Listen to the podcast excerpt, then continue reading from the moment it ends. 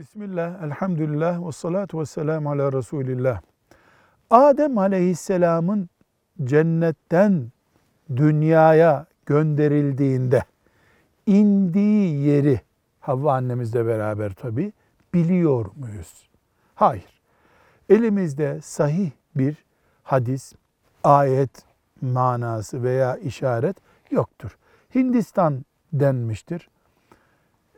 E, Cidde'ye Havva annemizin indiği denmiştir. Ama elimizde farz, vacip diye kaynak olarak kullandığımız hadisler düzeyinde sahih bir hadis derecesinde bilgi yoktur.